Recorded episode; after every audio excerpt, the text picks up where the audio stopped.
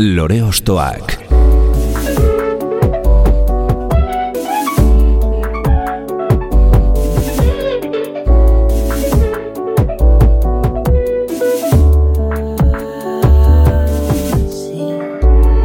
Ekain perezek aurkeztuta, gonbidatu bakoitza lore bat balitz bezala ostokatuko dugu.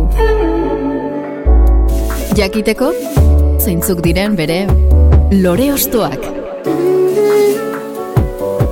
Opa, zer moduz, ongi etorri lore ostoak saiora.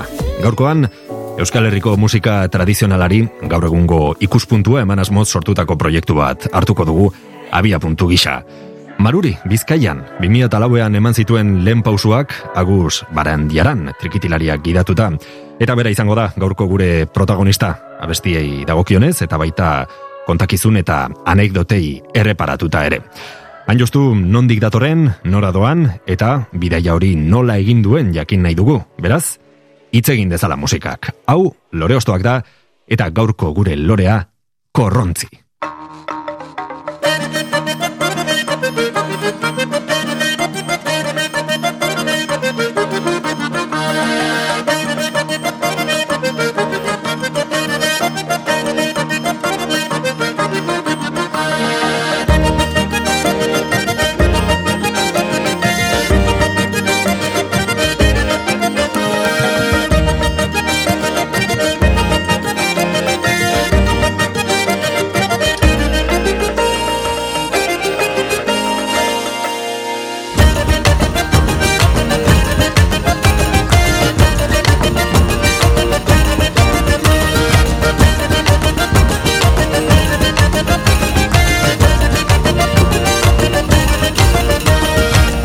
Ederregia zelako sasoian irrita farra. Azkenik asto batekin tratua egin beharra. Tratua egin beharra sasoian irrita farra. Agargo nuntzen da hortxe daukazu erte bakarra. Era baina nizkea ize pekatu tristea. Pekatu tristeena sasoia joaten ustea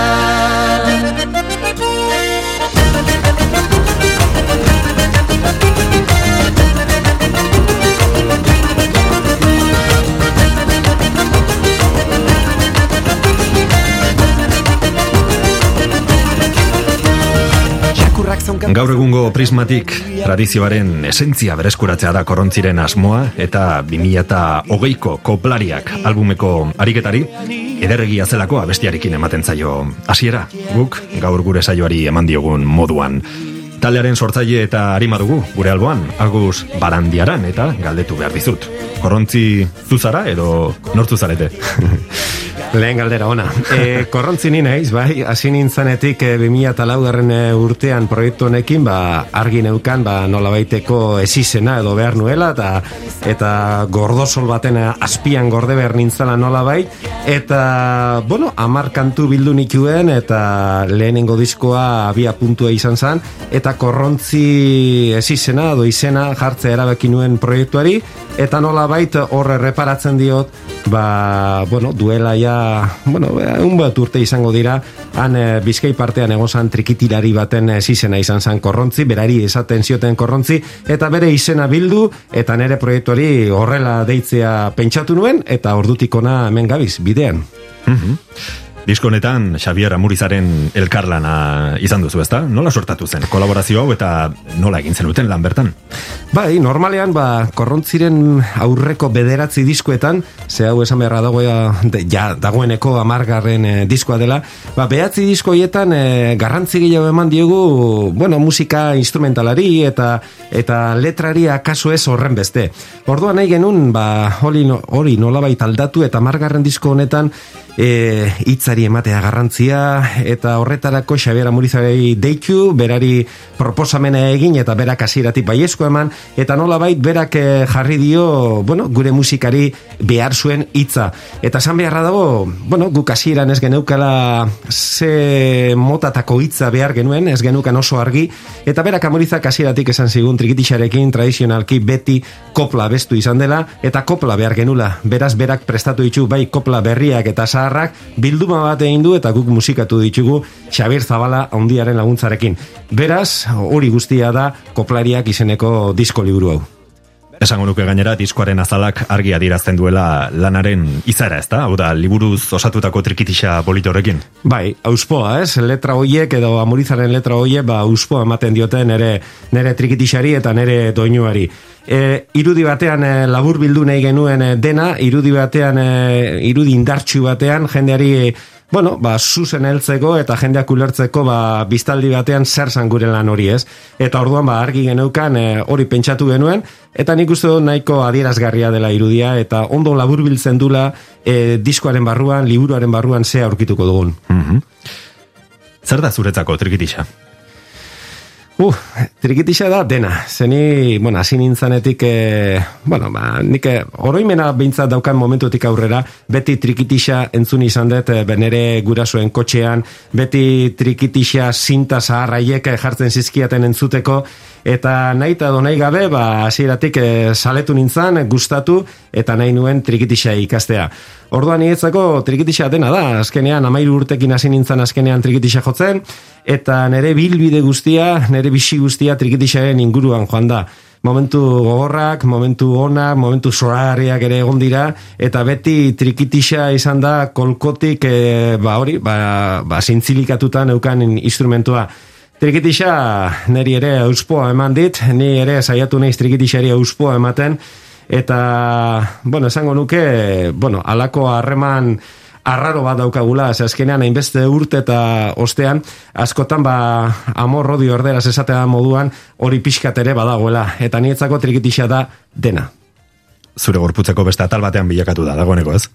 Aspalditik, aspalditik, eta orain alako elkarrezketatan edo telebizara joaten izenean, askotan pentsatzen dut e, bilusi nagoela trikitixea urrean ez badukat zintzilikatuta.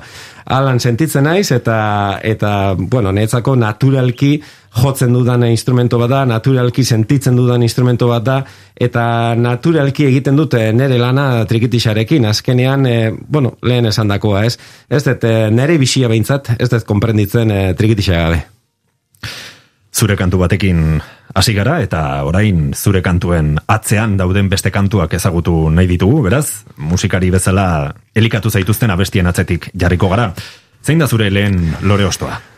Bueno, ba esan bezala, hasi nintzanean zinta zaharraiek entzuten eta kasete zaharraiek eta aitak hartzen zituena, nire etxetik oso hurbil bi, bi kilometro edo, e, andrakaz gaina dago, maruritik e, plentziarako bidean andrakaz gaina dago, eta hor menditxoa da, eta bertan bazegoen, eta, bueno, bertan bazegoen taberna bat, Rufino Arrolarena, eta Rufino Arrola taberna zeukan, bera tabernaria zan, bestea beste, baina trikitilaria ere basan eta bere tabernan hasi nintzen trikitisa ikasten. Gaur hori gauza pentsa ezina da, baina orduan berak eh, larogei bat urte zituenean eta nik amairu bat, ba, bere tabernan joaten nintzen trikitisa ikasten, inolako solfeo gabe, inolako metodo gabe, baina bere taberna horretan erakutsi zizkian lehen notak, berak esaten zuen bezala kopiatu egiten eban berak egindako e, melodiak, eta azkenean bertan ikasi nun tradizioa maitatzen. Ietzako erreferente handi bat izan zen, Eta bere lehen klasea goatzen naiz izan zala, berak esatea, agus, berdin da zuk zelan jotzen duzun, berdin da e, ondo edo akatsak sartzen badituzu, garrantzitsuena da, trikitisa e, dantzarako instrumentu bat dela, eta trikitisak dantza eragin behar duela jendearen gan.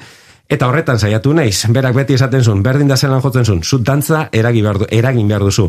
Orduan lehen doinua nietzako oso garrantzitsua zan, Rufino Arrolaren doinu bajartzea, eta kasu honetan ba, bere bikotearekin, bere pandero jole, jolearekin, ba, Rufino Arrola eta keparri zabala.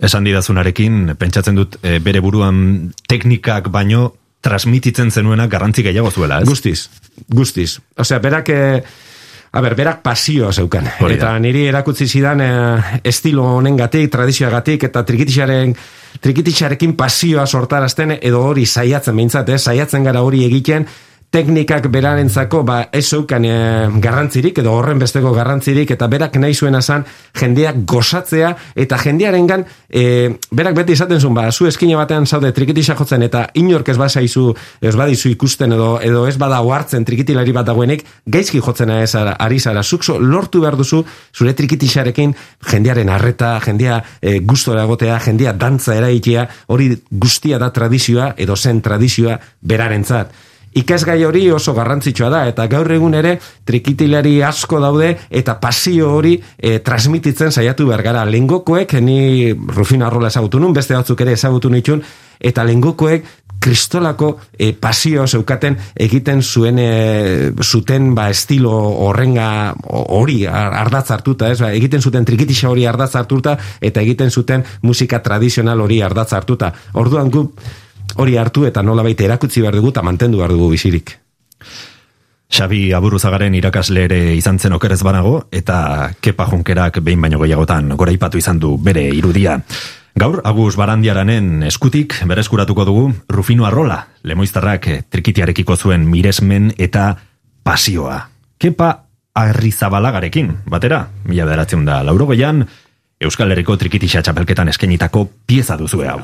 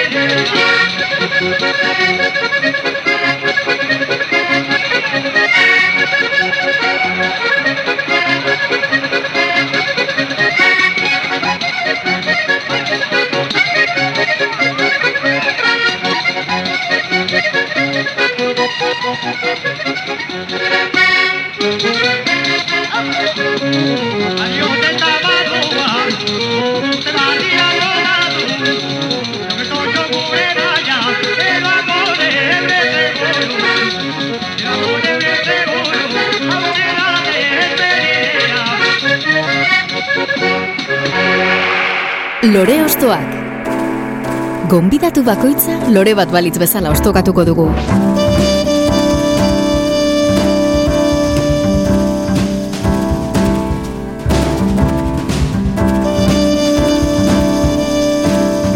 Rufino Arrola trikitilari bizkaitararen doinuak entzun ditugu, korrontzi taldeko Agus Barandiaranen sustraietara bidaiatuz, eta, po, ez, kuriosoa kontatu diguzuna, ez? Nola gaur egun, ba, instrumentu edo zein instrumentu ikasterako garaian pentsatzen dugu bai. ba gela batean e, partiturak edena oso korrektua bezala, ez? Eta bai. ez taberna batean e, oso modu autentikoan ikasi zenuen, ez? Bai, hasierak beintzat horrela izan zian, hasierako urteak eta azkenean e, Rufino ba, bere tabernaren arabera, osea bereak e, tabernan zituen bezeroen arabera, niri klase ematen zian edo ez? Azkenean tabernan sartzen bazan e, norbait, bera jendea atenditzen zuen eta gero bara joaten zanean edo zerbitzen zuenean berriz ere bueltatzen zan niri ba koka kola eta alako kutxen artean erakustera trikitisa jotzen ez.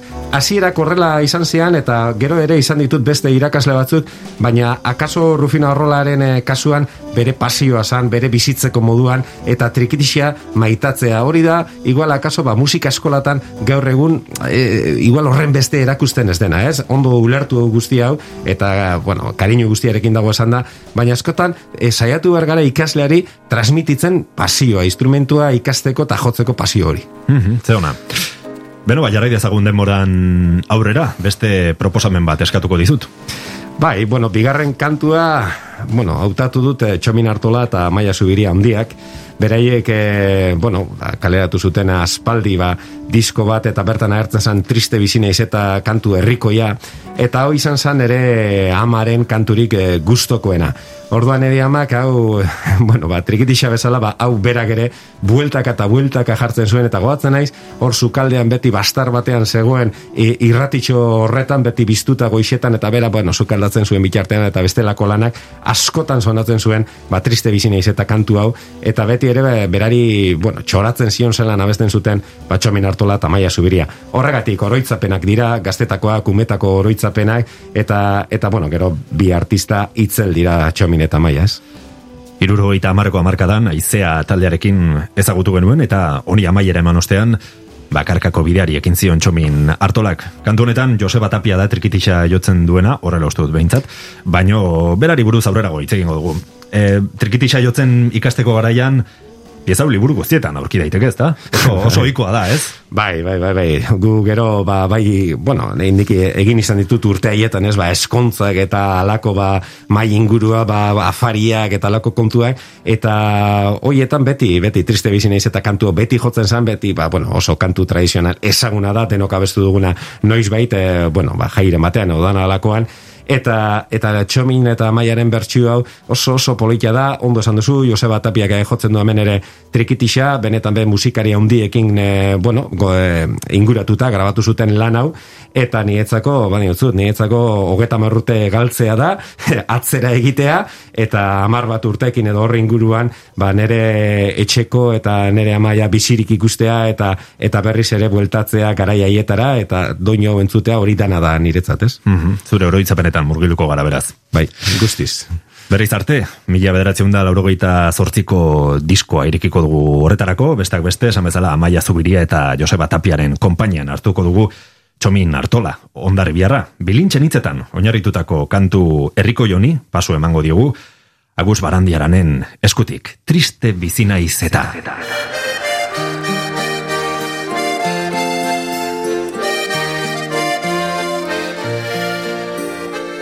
Triste bizina izeta, hilko bani zobe, badaukat bihotzia, hainbat atzekabe Maite bat maitatzen dut, baina naren jabe Sekulan izateko esperantzik gabe Maite bat maitatzen dut, baina naren jabe. Sekulan izateko esperantzi gabe.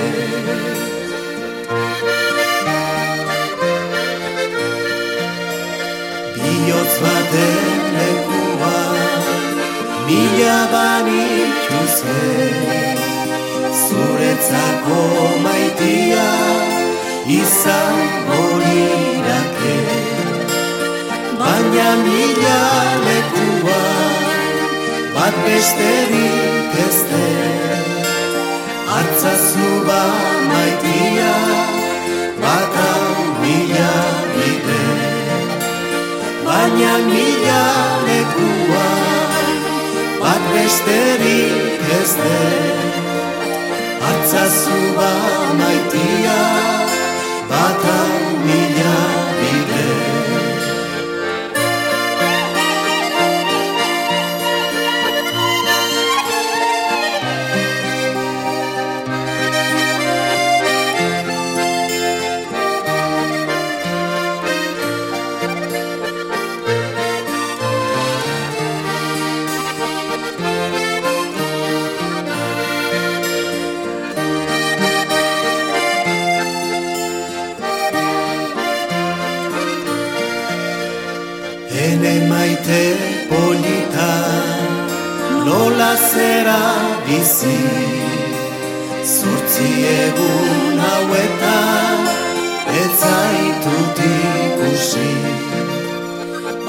Badakitza ditzala Nigandik iesi Ez didazu emate Atsekabe utxik badakitza biltzala nigandik iesi ez didazu ematen atzekabe gutxi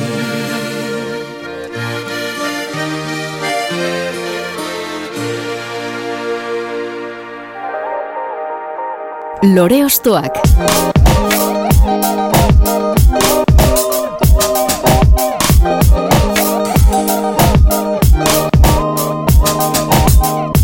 Triste bizinaiz eta hilko banintz hobe abestuz. Txomin Artola eta konpainarekin izan gara azken minutuetan eta hemen mikrozkampo hitz egiten ari ginen ere arrebak trikititxa ikasi zuen eta komentatu dizut e, zuela sistema bat edo ikasteko mota bat numeroekin, ez? E, bai, trikitixa munduan, ba, oikoa izan da, ba, bueno, trikitixa jotzen genuen, no? garai batean, eh? ba, oikoa izaten zen, ba, ez jakikia solfeorik, edo, edo, bueno, ba, ikasi nahi hori, baina azkenean beti izan den ez instrumento bat, ba, nola bai normalizatuta egon ez dena, ez dela egon ba, liburu batzuk edo garai hartan nago esaten, eh? liburu batzuk edo metodo batekin, ba, orduan ba, maixu bakoitzak garai hartako maixua ba, egiten zuten ba, ba, beraien metodoa erakusteko, ba, kopiatzeko aurrez aurre talako metodokin erakusten zan eta ikasten zan trikitisa jotzen. Eta Martin izeneko trikitilari handiak, ba, lajaren garaikoa eta hola da Martin, eta Martinek asmatuzun ba, zenbakiekin edo zenbakietan oinarritutako trikitisa metodo bat, eta berak, bueno, hainbat eta hainbat partitura egin zituen, ba, kantuak erakusten zenbakin bidez, eta horrela, ba, bere eskolan, bilamonako eskolan, eta e, hainbat eta hainbat e, trikitilari, gaur egun ezaguna diren trikitilari, erakutzi ziren trikitisa jotzen, ba, bestea, beste, ba, urtzan elustondo edo, edo Xabi Solano bera, eta benetan be, bueno, ba, pausu, aurrera pausu bat izan zen, bere metodo hori, zen nola bait, ba, aurrez aurre ikasteari uko egin gabe, be, bazegoen nola bait solfeo jakin gabe, ba, ba, paper batean oinarrituta ikasteko metodo bat, eta hori pausu handia izan zen, eta gero hortik aurrera, ba, nola ez, ba, partituratan eta eta ikasleek ikaste dute solfeoa eta bestelako metodoak ere badaude ikasteko eta notakin ikasteko nola ez. Baina garai artean berroi urte dela edo geta urte dela esan izaten eh, horren oikoa eta jende asko gerturatzen zan trikitixera ba nolabait ikasteko gogoakin solfeo jakin gabe eta horri nolabait irteera edo mansion Martin handiak trikitixa demokratizatzeko modu bat izan zen, beraz? bai, bai, eta gaur eguneko egunetara ekartzea, ez? Eta gaur egun ere jarraitzen du, eh, Martinen metodoak, eta eta gogoatzen ez, ba, Xabi Solano kadibidez kaleratu dituen e, bere liburu hoietan, ba, hor badaude partitura, bere kantuekin, eta alde batetik partitura oikoak edo solfeo partiturak daude, eta kantu bera ere gero agertzen da, ba, Martinen metodo horrekin e, oinarrituta, eta eginda.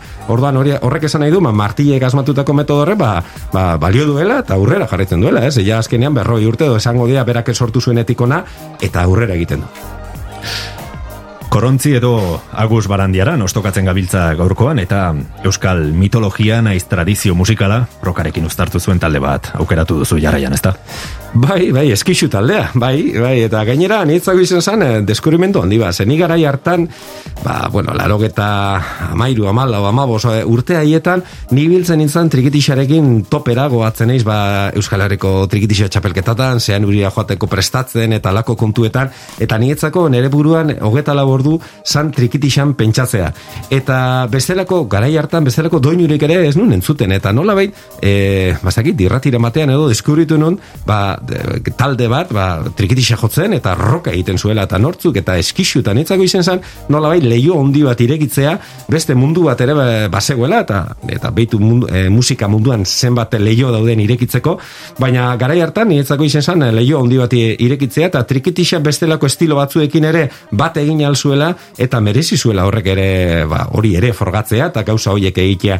Eta eta horrela deskubritu nun eh, eskixu taldea gero sale ere egin nintzen eta eta sorionez ale sarduiren laguna ere banaiz eta horregatik ekarri dut ba sorginen leizian izeneko beraien bigarren diskotik eh, kantu hau Trikitixak eta rokak elkar ulertezakete beraz? Bai, bai, bai, horrenik eh, deskubritu dut, deskubritu nun, eta, eta, eta, zehan da, Alesardui eta kompainia, ba, horrela demostratu zuten, ba, laro eta mazei, edo amazazpi, edo ez dakizu urtetan kaleatu zan disko hau, baina benetan bere, bikaina aritu ziren, ez bakari diskoan, gero plazas plaza, goatzen eiz, bere kontzertuak oso ikusgarriak izaten ziela, bere, bueno, alako akerrak eta eramaten zituzten zuzenean, alboka ere e, sartu zuten beraien rock horretan, trikitixa, eta ni benetan bez, alean nintzen, eta eskixu eskixuren bidizko hoiek, ba, ondo ditute gordeta eta noizbenka gustatzen zait entzutea bai.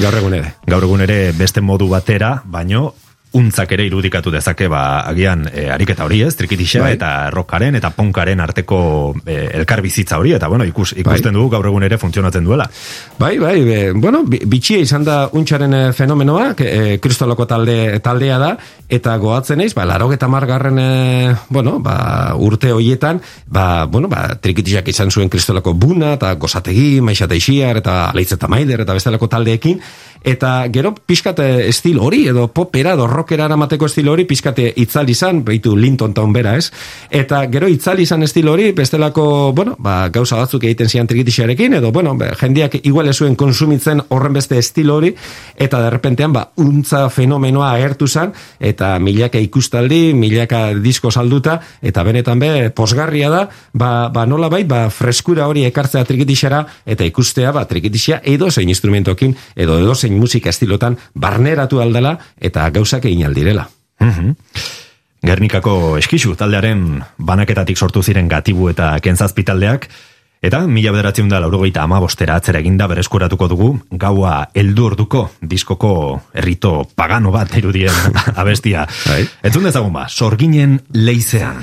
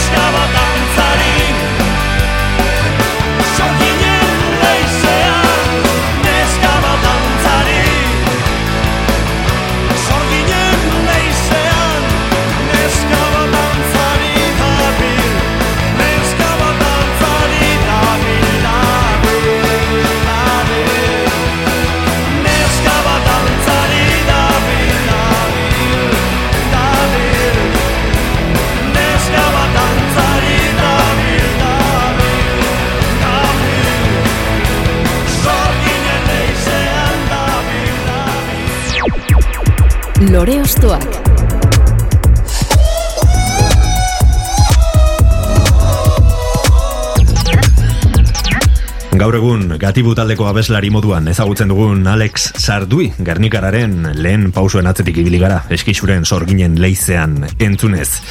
Mila bederatziun da laurogeita bostean geratu gara, Agus Barandiaranen bizitzako pasarte horiek ezagutuz, nera bezaroko pasarte horiek, eta jarrai dezagun, Agus, zure bizitzako beste bizipen edo doinuen errepasoarekin. Zerekin bueno, ba, maitasuna, ez? Lehen eh, maitasunak, lehen eh, bueno, neskalagunak eta lago kontuak, eta da, derrepentean, ba, Mikel Urdangarin ezagutu nun, irratian e, entzuten nun, ba, badira hiru aste izeneko kantu hau, eta kantu xumea, kantu politia, e, bastakin ere egoera pertsonal batekin bat etortzen sana momentu hartan, atera zan edo kaleratu zan momentu hartan, eta ni Mikel gainera ezagutu nun e, aspaldi, laro eta margarren amarkada hartan, bere ibiltzen zan beste neska batekin e, batera besten zuten, eta goatzen naiz topo egin genula Euskal Herriko kantu txapelketa izeneko ba, lehiaketa, lehiaketa batean. Eta goatzen naiz berak eta neska horrek primeran abesten zutela, eta uste gainera txapelketa hori irabazi zutela, eta gero, bueno, nola bai, ba, pista galdu eta bueno, bere bidea egin zuen eta derrepentean irratian entzuten dut Mikel Urdangarin ja diskoa kaleratuta eta badira hiru aste kantu honekin. Benetan be, ba ni maitemendu nintzan, Mikel Salea lehen di nintzan edo han a, gogatzen naiz arrankudiagan izan zela txapelketa hori, arrankudiagako plazan eta berta maitemendu nintzan bikote horretaz, Mikel Urdangarin eta neska horreta horrek abesten zuten eh, modu horretaz eta gero entzutea ba nola joan zitzaion ba ibilbidea eta derrepente pelotazo bat egitea kaleratzea alako kantu puxka bat, banitzako, ba, soragarri izan zen, eta bueno, ba, gaur egunen arte, Mikil Urdangarin salea naiz, eta badira hiru aste horregatik ekarri du tartetxo honetara. Bai, ze, haze, nolako arrakasta izan zuen disko honek, eh? Bai, bai, bai, bai. Eta gainera, gero Mikel Urdangarinen eh, ibilbidea nietzako, ba, bada referente bat, egia esan, Euskal Herriko kultur eh, eragile e, barnean dauden, ba, ba, hainbat eta hainbat artiste hoien artean nietzako da, e, gaur egun esaten bezala, influencer bat, nietzako da, ba, berak eh, bere bidea eraman du, nietzako oso argi eduki du zer nahi duenekin, ez du aldatu moda dela do ez dela ez du aldatu bere bide hori, eta nietzako primerako kantuak egiten jarraitzen du, eta eta badiozut, e, kantu honekin ni maitemendu nintzen. Eta polita da nola abestiek apaintzen dituzen gure bizitzako momentu ezberdinak, ez? Hori da, hori da. Azkenean, ba, lehenengo notak entzun, lehenengo bere saldiak edo bere hautsa entzun Mikelena, eta eramaten zaitu, ba, ba hori, bestelako garai batera, bestelako egoera batera, nietzako, ba, momentu hartan, nera esabe, ez dakit, ba, alako maitemindu eta ez maitemindu garai hartan, ba, momentu gogorretara, eta benetan be gaur egun ere gustor entzuten dudana. Eta momentu hartan igual ba, ba pena entzuten nuen kantua eta nolabait aurrera egiteko ba baliozidan kantua entzutea. Eta gaur egun ba entzuten dudanean ba irrifar bat e, marrasten duen urpegian eta esaten duen ze garai politak izan ziren haiek ere naiz eta momentu hartan ba, ba gogorrak ere izan da baina ze garai politak izan ziren eta Mikel Mikelen laguntzarekin ba asko sobe eta bere hotsaren vibrato puntu politorekin ez hots berezia duen entzuten duzu eta badakizu Mikel dela. Bai, bai, eta bestela esan izango, Mikel. Argi, argi dago, eta Mikelek eh, hori galtzen modu, ba, ez dakit bere esentzia galduko luke, ez? Eta be, berak ere hori argi dauka, eta bere abistuko moduan igoatzen naiz, arrankudiako plaza hartan, ikustu laro eta malau garren urtean udi izango sala, eta bere abisteko modu hori izan zan, increíble entzutea, pasada bat entzutea, eta bere neska horrekin egiten zuen du hori entzutea izan zan oso politia. Eta badi, oso posik egin duen ibilbide guzti horrekin, eta ibilbide guzti horretan, ba, bueno, jarraitu dut, bere diskoak erosi ditu, bere kantuak entzun ditut, hainbat eta hainbat kantu ditu ezagun, ez hau bakarrik, baina, bueno, hau ekarri dut, ze nola bain nietzako esanguratsua zan, ze, bueno, lehen esan bezala, ba, maite mindu momentu horrekin bat egin zuen, eta orduan, ba, hau ekarri dut. Osondo, bagoazen urtangarinen hautsaren magia moduko horrekin atzetik, hain berea den vibrato horrekin, eta beste behin, Bere doinuetan murgilduko gara, badira hiru aste, mila bederatzen da laurogeita emezortziko diskoari zen amaten dion abestiarekin. Zuekin, Mikel Urdangarin. Iskinontatik idazten dizu, azken aldian bezela, egia da bai sasoi honetan, hotza egiten duela, neska gazte bat ezagutu du, Iru aste badirela Esango nuke bere begie Erraz sorgindu nautela. Neska gazte bat ezagutu Tiru aste badirela. Esango nuke bere begie Erraz sorgindu nautela Azken bida jau ez duzu izan Etxe ondotik iesa. Nigandik urrun aurkitu barren Ara itzultzeko ametsa. Zuekin beti oroitzen bai naiz Aztu naizenik ez pentsa. Sentimenduak esaten baina Ez da gauza erreza. Zuekin beti oroitzen bai naiz Aztu naizenik ez pentsa. Sentimenduak esaten baina Ez da ingauza erreza.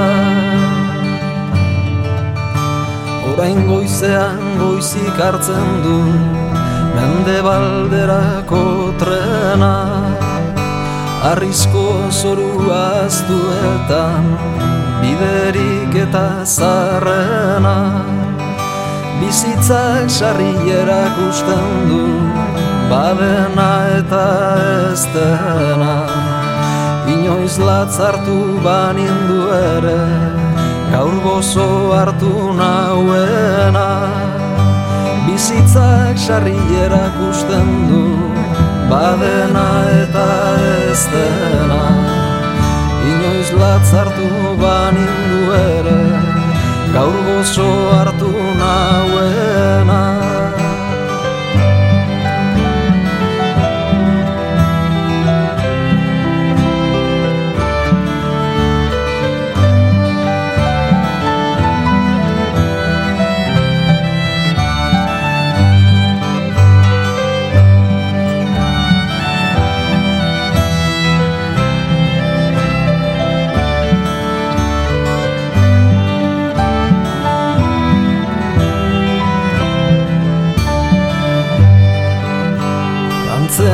baina egun luzetan Biotza egoten da triste. Agindutako promesa hura Ezin kumplidu nezake. Loriak udan kantatzen baitu Inoiz gutxitan ez uste. Letrak ez ditut orain dikaztu akordatzen nahi beste Loriak udan kantatzen baitu Inoiz utxitan ez uste. Letrak ez ditut orain dikaztu Akordatzen nahi beste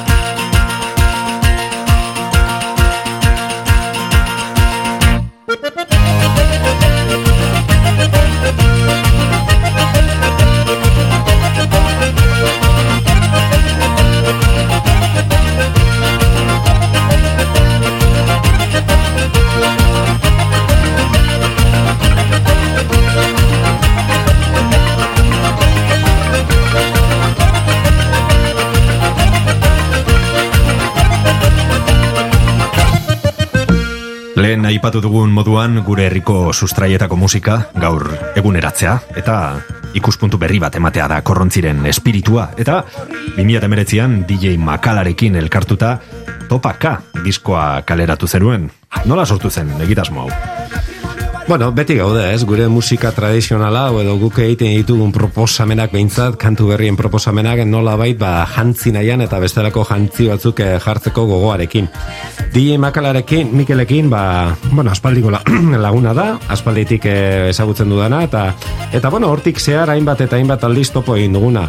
Batez ere, beti egiten genuen, eh, eta egiten dugu tope, topo, Gomex izeneko jaialdi batean. Gomex jaialdi hori, ba, mundu mailan egiten den munduko musiken jaialdi bat da, eta bertan ba, bai jotzen eta baita bueno, beraien eh, kontaktuak eta egiten hainbat eta hainbat herrialdetako ba, ba, musikariak, enpresak eta musika munduko ba, hainbat eta hainbat eragile joaten dira. E, gut arteko Euskal Herritxi, ba, bai Mikel Makala eta baita nine guere korrontzirekin ba, bertara joaten gara, eta bertan askotan ba, ba, bueno, ba, Mikelekin egon eta beti esaten genuen, ez? Nola bai, e, korriente bat badagoela mundu mailan musika tradizionala eta eta bestelako musika elektronikoa batzeko beste herrialde batzuetan, askotan gainera, eta guk ere zergatik ez genuen alako gauza bat e, egiten, eh, edo sortzen.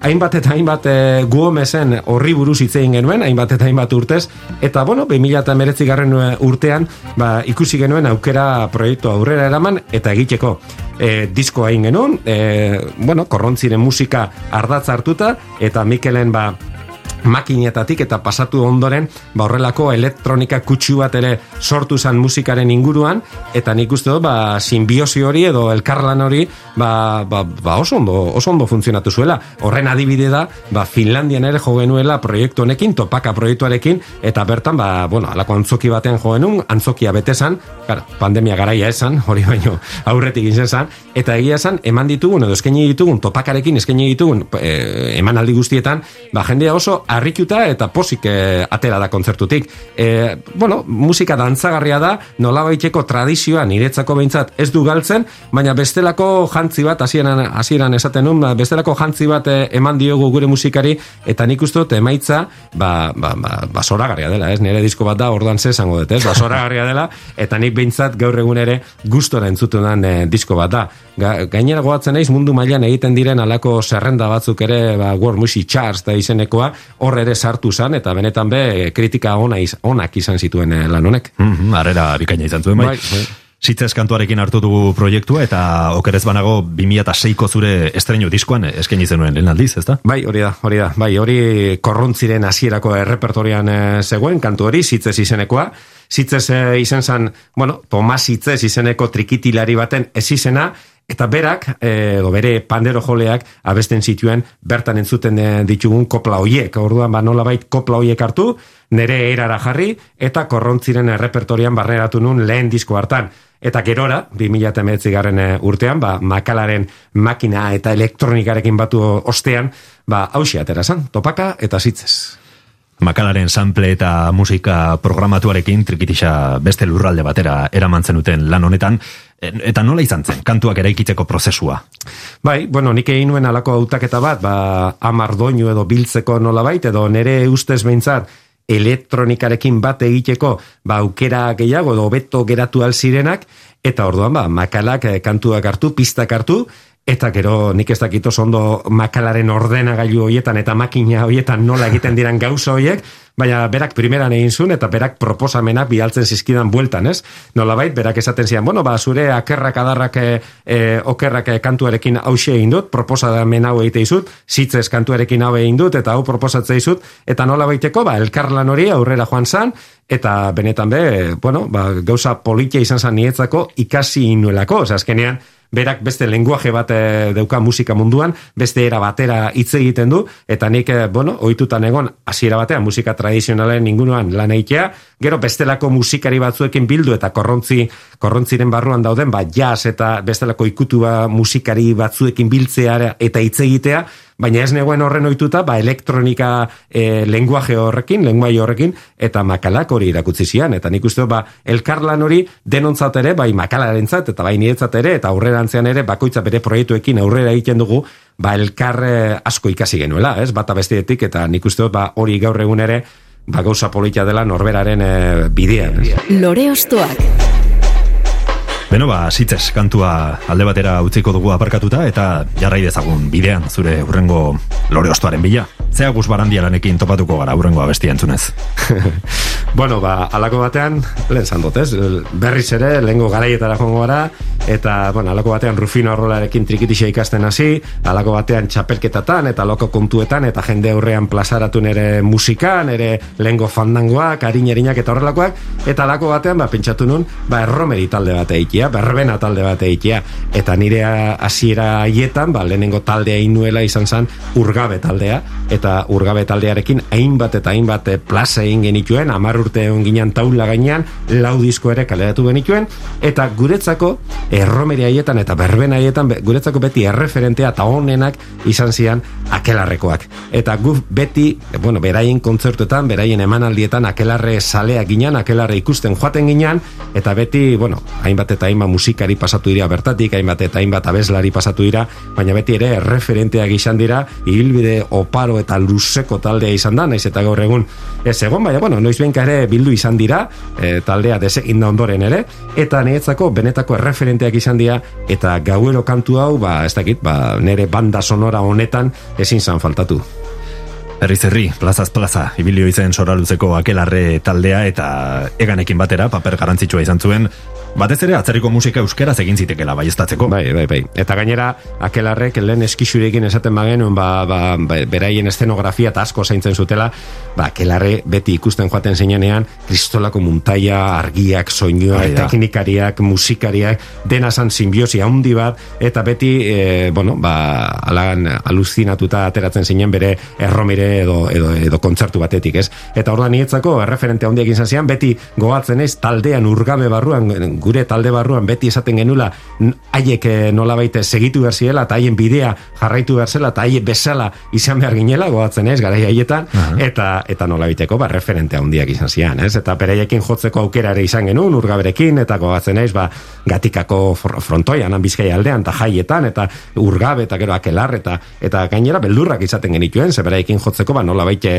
konparaketa egingo zutela eta orduan ba, guk ez geneukela horren besteko kalitaterik eta iso, beldurrak ere izaten dira musikari ongan eh, barnean eta eta batzen ez e, garai politak izan ziela eta akelarrekoei ba upada bat hemendik eta upa akelarre beti Oroitzen dut oraindik beraien akerraren ikurarekin apaindutako kamioiarekin nola iristen ziren herrira bai, rockstar batzuk ziren, ez? Bai, bai, bai, bai, garai batean bai eta gainera, bueno, bueno, eske abeslari asko pasatu dira, bakoitza gainera bere ikutu eman dio akelarri, ez? Eh, akelarreri, bakoitza bako zeukan berea eta benetan be referente handiak izan zian eta esan diosuna, ez? Ba, atzaldeko postetan edo lauretan agertzen zinenean ja plazan eta berain kamio handi horrekin ja e, basirudien, ba, bueno, ba, ez dakit ze talde etorri basala internazionala, ez dakit kanpoko talde potente bat, eta horrela zian, talde potentea.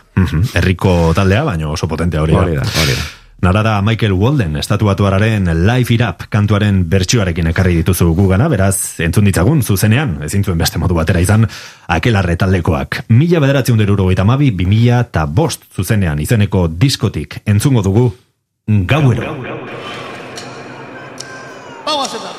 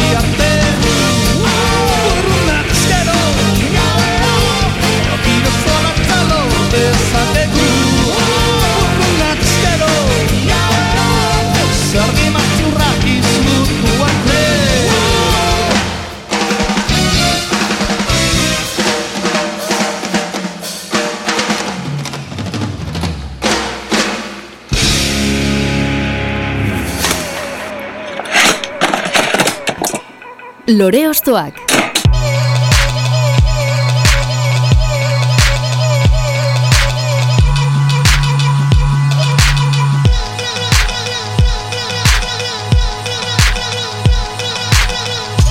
Akelarreren atzerriko doinu euskeratuak entzunez 2000 eta bosteraino jo dugu gauero kantuaren zuzeneko energia geure ganatuz eta rock musika alde batera utzita sustraietara itzuliko gara edo sustraiak baino bertatik garatutako landare edo lorea izan liteke brongo proposamena ez? Tradizioaren evoluzioa, nola bai? Bai, bai, bai, kepa junkera un dia, ez? Kepa junkera.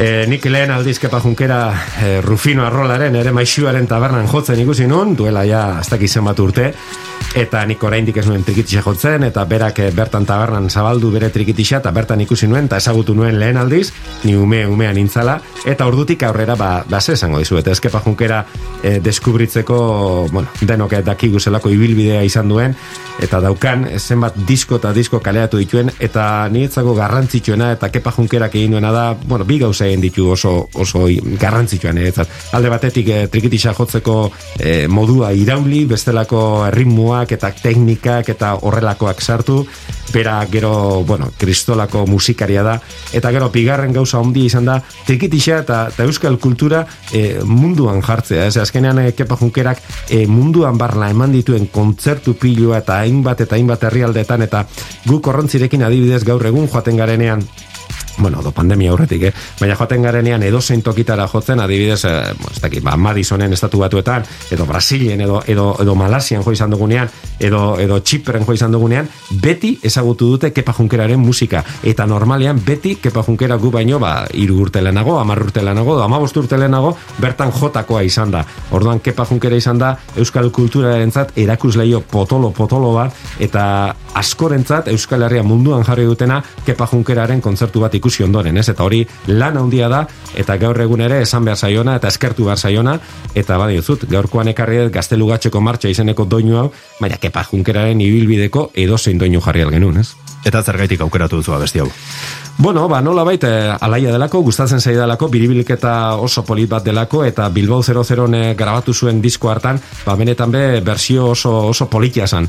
Eta, eta bai, entzut, e, nietzako, kepa da, bueno, keparen doinuak ateratzen, edo, edo nola baina trikitxargin jotzen, e, trikitilario gareno, beti ibili gara bere doinuen atzeti, bere doinuak ateratzen, bere doinuak kaleratzen, eta eta maixo handi bat, eh? eta badi, ez dut, nik ezagutu nuen momentutik aurrera, sale egin nintzen, e, nere musikan ere uste duten nabaria dela Kepa Junkeraren eragina, beste trikitilario bat, trikitilari batzuen lanetan ere e, begi, begi, biztakoa da Kepa Junkeraren eragina, eta nik uste do, ba, hemendik aupa da handi bat beraren zat, deno dakigun bezala ba, berreskuratzen da bi, eta hor da bila nola baike buelta eman nahian, eta beraren zat aupa da handi bat hemendik, eta eskarek asko denagatik. Hori da, besarka da handi bat. Aipatu duzu, e, taberna hartan, zure bi erreferente kartu ziren bai, jendea pentsatuko, eta junkera. jendea pentsatuko du beti tabarra gaudela. Zurrutean, hori, ez, ez, baina garai hartan, eh, bueno, Rufino Arrolak taberna zeukanean, eta hori, igandero, igandero, igande goixetan, eh, Rufino Arrolak bertan jotzen zuen, bere tabernan jotzen zuen, eta berak orduan eh, egiten zuen asan barra atenditu, eta barra atendi, eh, bueno, txikitoak, eta atera, eta da, gixo, tabernako lan hori, eta ateratzen zanean, edo ja egiten zuenean ronda hori, ateratzen zan barratik, eta azten zan trikitisa jotzen. Orduan, jendea basekien igande goixetan nolabaiteko erromeri improvisatua, edo ez horren improvisatua zegoela Rufino Arrolaren andrakaz gain horretan, taberna horretan, eta orduan ba asko joaten zian bertara. Eta orduan ba bai trikitisa saliek, eta baita ni neu ere, orduan ez nuen jotzen oraindik ere trikitisa, baina joaten nintzen aitarekin batera, ba nolabait trikitisa entzutera eta ikustera, eta bestea beste ba, ba batzuetan igandeetan ba, ba juntatzen zean bestelako trikitilari batzuk ere ba, ba Rufinoren lagunak eta bestelakoak. Eta baten goatzen naiz ba bertan egon zala kepa junkera nik ez nuen ezagutzen e, eta goatzen naiz e, taberna guztian e, aipatzen zala eta komentatzen zala ba gaur Bilboko trikitilari gazte bat etorri behar zela Rufinorekin batera ba trikitisa jotzen eta ez dakiz zer eta etorri zan kepa eta eta hasi zuen bueno, bere melodia irekit zuen bere auspo eta benetan be denok taberna guztiak geratu ginen ikaratuta bere jotzeko moduarekin eta nola nola ematen zion trikitixari, ez? Eta orduan ba bai, nire referente bi handi bi behintzat, bai Rufino Arrola eta baita kepa kepa junkera, ba, bertan bildu zian, eta igual akaso horregatik, ba, biak ere jarraitu izan ditut beti, eta beraien, eh, ez dakit, eh, lan hori beti goraipatuko dut, bai han eta hemen. Jaseko klubak edo existitzen diren bezala, beraz, trikitixaren klub moduko bat bilakatu zen ura, ez? Hori Taberna da, ura. hori da, hori da. Bai, bai, eta gainera, bai, ez dute, inguruan zeuden trikitilari guztiak, eta eta bertara joaten zian txilibirin be- bera ere, to, bueno, hainbat eta hainbat jende, eta benetan be, trikitixa munduan, garai hartan, han nere inguru hartan, Bilbo, Marurian, Kostalde hartan, joan nahi bazinan trikitixa entzutera, do ikustera, do jakitxera sarzan, jendea bertara joaten zen, eta Rufino Arrolaren taberna hori, gaur egun ja itxita dagoena, baina taberna horretan, ba, hainbat eta hainbat ordu eman ditugu igande goizaietan. Ziurrenik ez da galdera erraza izango erantzuteko, baino trikitilari onenen zerrenda bat egin behar bazenu, zein izango zen zure podiuma? Bakoitza badauka berea, ez? Trikitilari on asko daude, eta bakoitza badauka berea. Bakoitza gauza batean edo bestean izan alda e, onena, eta baina desde luego kepa junkera beti egongo da podium horretan, eta badin zut, e, erreferentea, jotzeko modua, e, teknika, e, dana aukidu kepak, eta dauka kepak, eta eta gaur egun ere, ba, bere disko, edo zein disko entzutea, zoragarria da, eta beti ataratzen diozu zerbait e, entzuten ari zanan kantu horri, azkenean, bueno, ba, nolabait jendeak entzungo du bere kantu bat, eta, bueno, ba, kantua gustatuko zaio, edo ez, baina, azkenean trikitilariok beti bere doinu bat entzuten duzunean, ba, hau zelan egin du, edo, tresillo hau zelan egin du, edo, edo, alako gauza pentsatzen zabiz beti, eta nolabait beti zabiz ikasten bere doinu bat entzuten duzunean. Guazen ba, gaztelu gatxeko paraje ederretan barrena, kepa junkeraren musikaz baliatuta. Trikiti doinuak, Agus Barandiaranen urrengo lore ostoarekin. Hau da, gaztelu gatxeko martxa.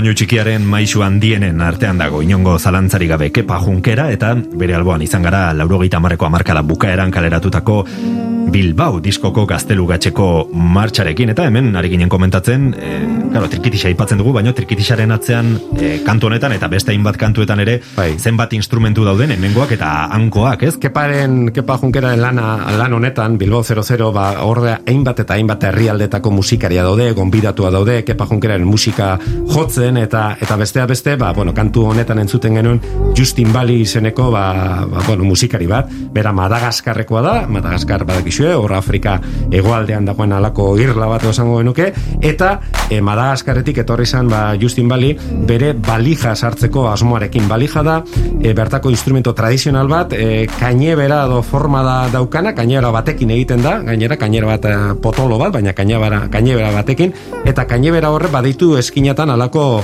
soka batzuk, e, gitarra izango balitz bezala, ba, soka jartzen zaizkio, eta bi eskuekin jotzen da e, balija izeneko instrumentu hau. Justin Bali bertako erreferente handi bat da, eta, bueno, gaztelu, gaztelugatxoko martxa, eta beste doinu batzuetan ere, bere balija hau entzuten dugu, ba, keparen trikitixa doblatzen edo melodia berdina egiten, eta eta konpainamentuak ere egiten. Eta esan beharra dago, ba, Justin Bali, ba, oso ezaguna izan, za- izan zala mundu mailan eta egin zala mundu mailan guomaz izeneko jaialdiagatik. E, guomaz, e, ba, bueno, jakingo duzu gehieno, baina guomaz egiten da mundu mailan de, e, mus, munduko musikan inguruko jaialdi erraldoi bat da, eta Peter Gabriel berak antolatzen duen jaialdi bat da.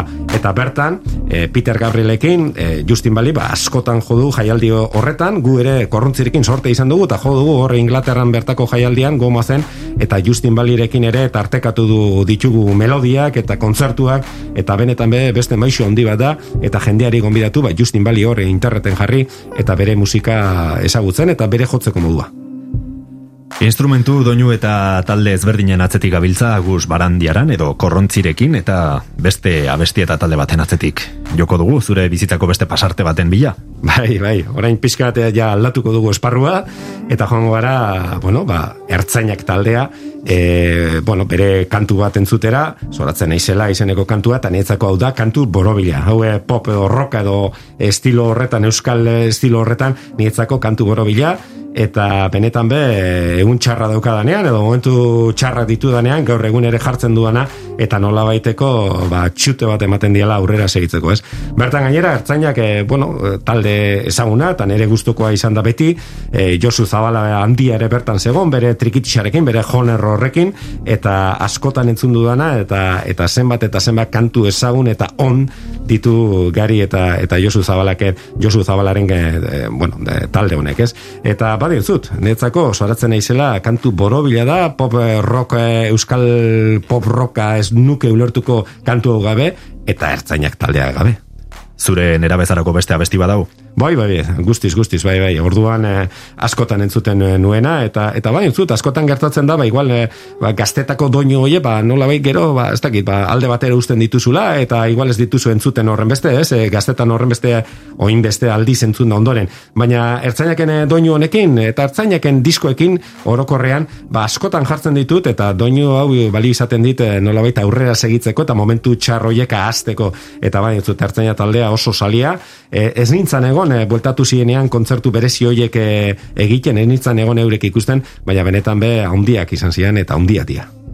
Azpimagarria baita ere gariren aktitudea, e, presentzia, ez? Bai, lehen eh, ale sardu esaten bagenu, ba, bere estiloan, ba, orain, joden, gariren, ez dakit, ekarpena estenatoki baten gainean, zelako jarrera daukan, zelako frontman da, dan, nietzako da, eredugarria, ez? Bere, ez dakit, bere estiloa, bere kantatzeko eh, modu hori, ni bentsat ertzaina taldea asko maite dut eta eta eta asko gustatzen zait eta baina zute frontman bezala, igual Euskal Herriko frontman ezagunenak eta niretzako berezienak dira alde batetik gari eta bestetik eh, ba, ez? Aha.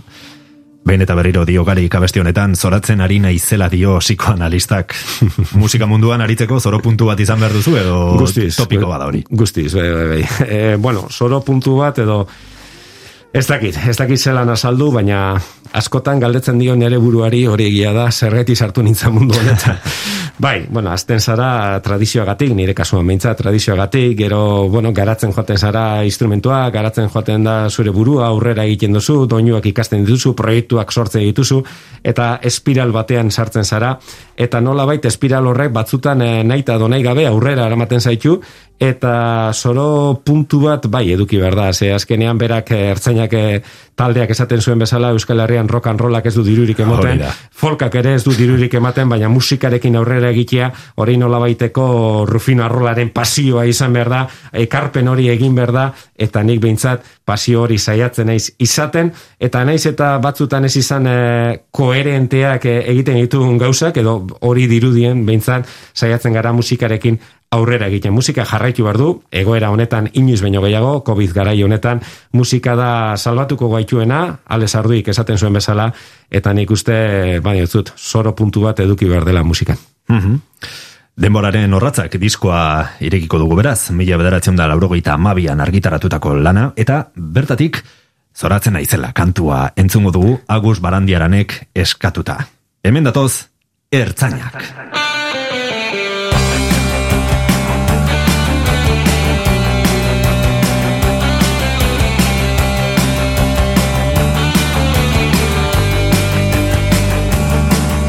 Zoratzen ari naizela, hasi naizela Dira psikoanalista zuanako amodiaren berri Ematerakoan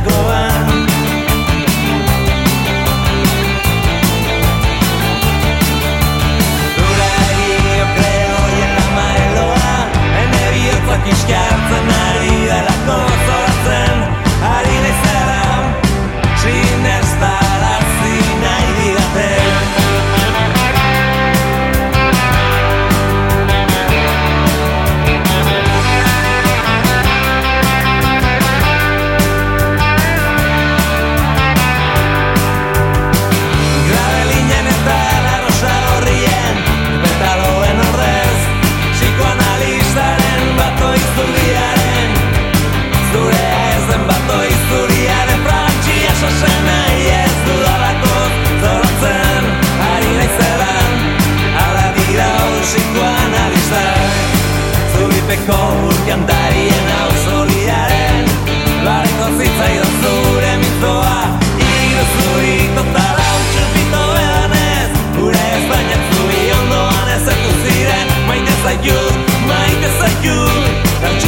Utxupito eta zure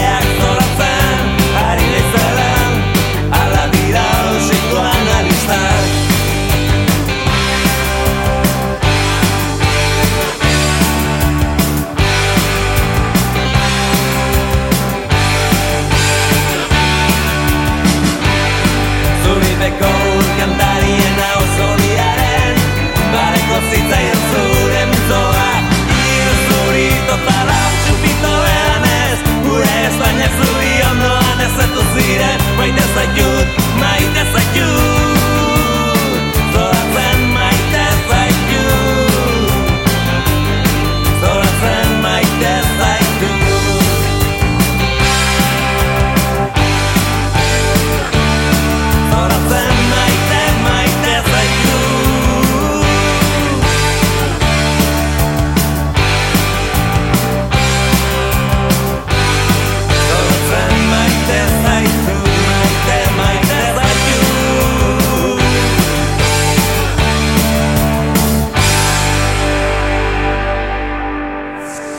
Ekain perezek aurkeztuta, gonbidatu bakoitza lore bat balitz bezala ostokatuko dugu.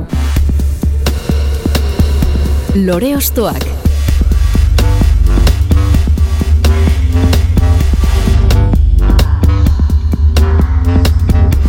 Tira ba, saioaren amaierara iristen ari gara eta ertzainaken musika entzun ostean, azken lore ostoa eskatuko dizut, Agus. Zarekin emango diogu amaiera ostokatze prozesuari. Tapia eta leturia hondiekin, maitatzen zaitu dalako doinuarekin, eta benetan be doinu politia eta eta bikote, ba, azte zina, ez?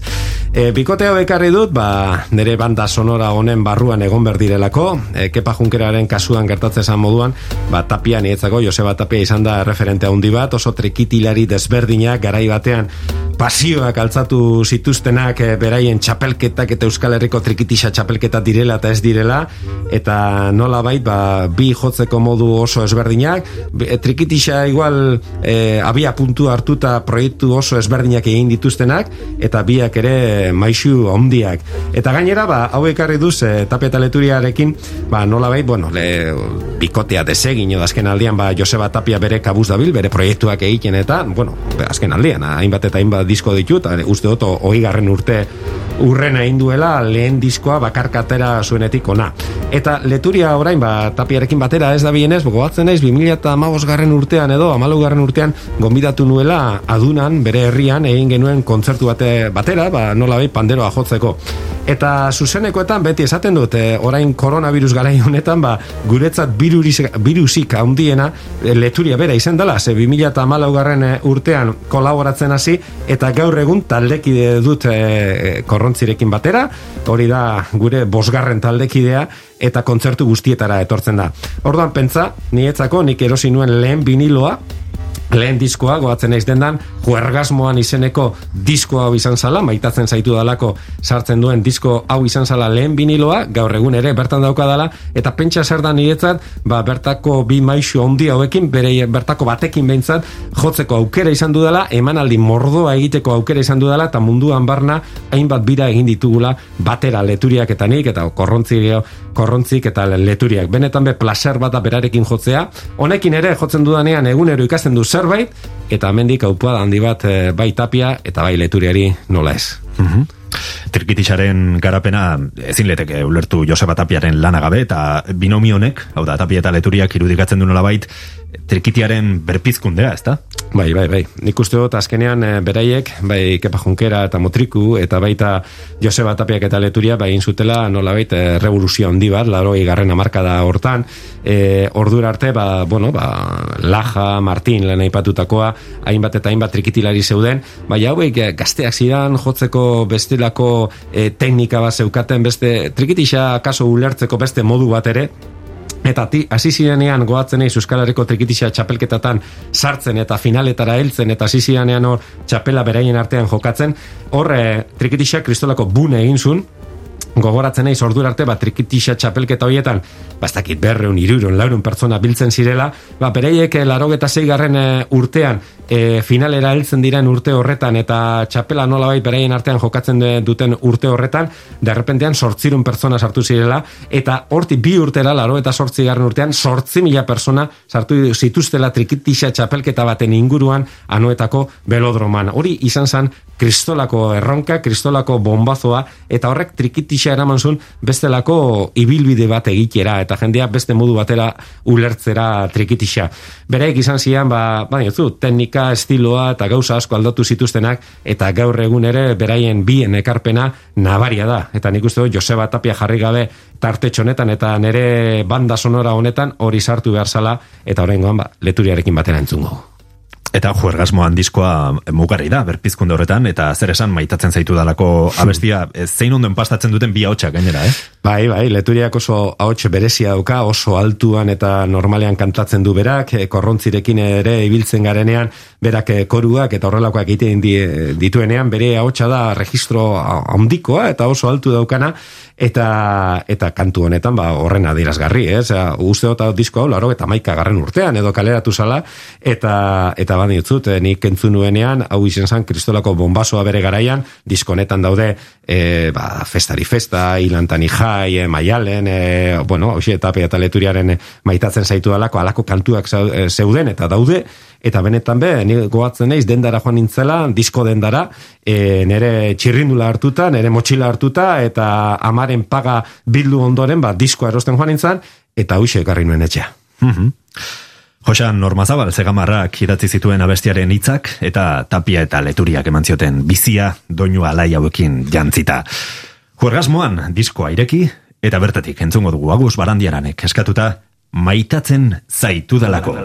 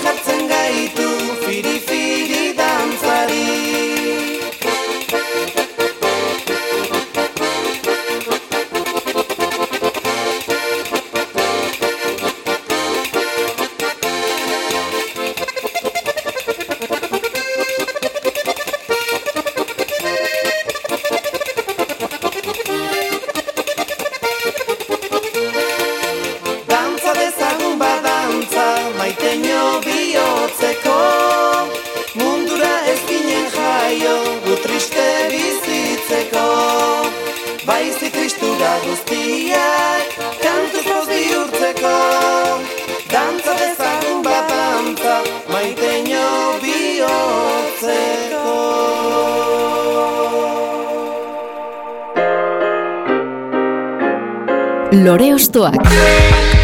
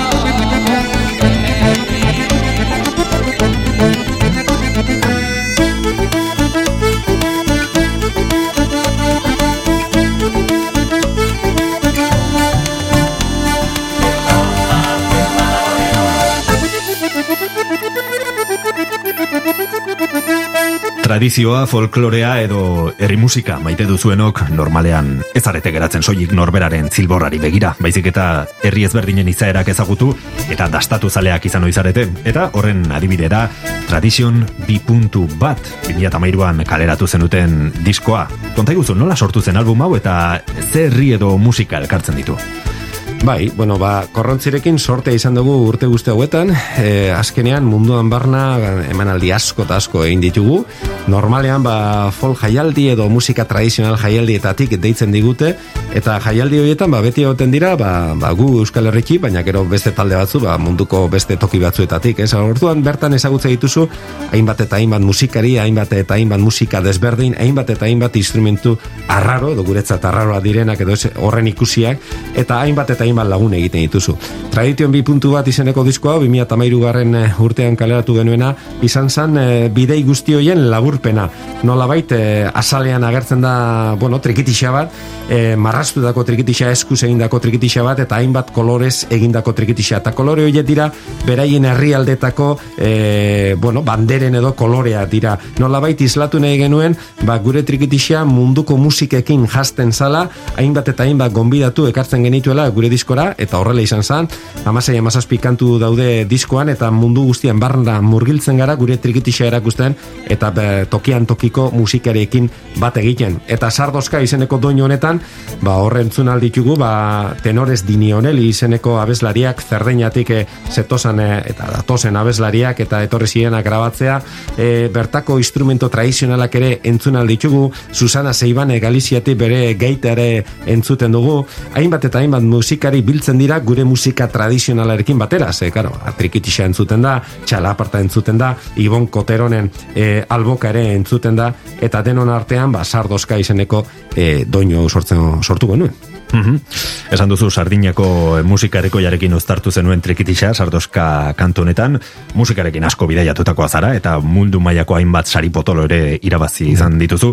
E, gaur egun, geroz eta individualistago bilakatzen ari den gizarte honetan, iruditzen zaizu musikak baduela komunitate edo herri ezberdinen elkartasuna sortzeko gaitasuna? Guztiz, guztiz, eta gainera uste dut, e, jende askok, mundu mailan jende asko, asko eta asko, e, ba, nabari geratzen dela, badaukala bestelako green bat, ba, musika tradizionalak eta tokian tokiko musikak ezagutzeko.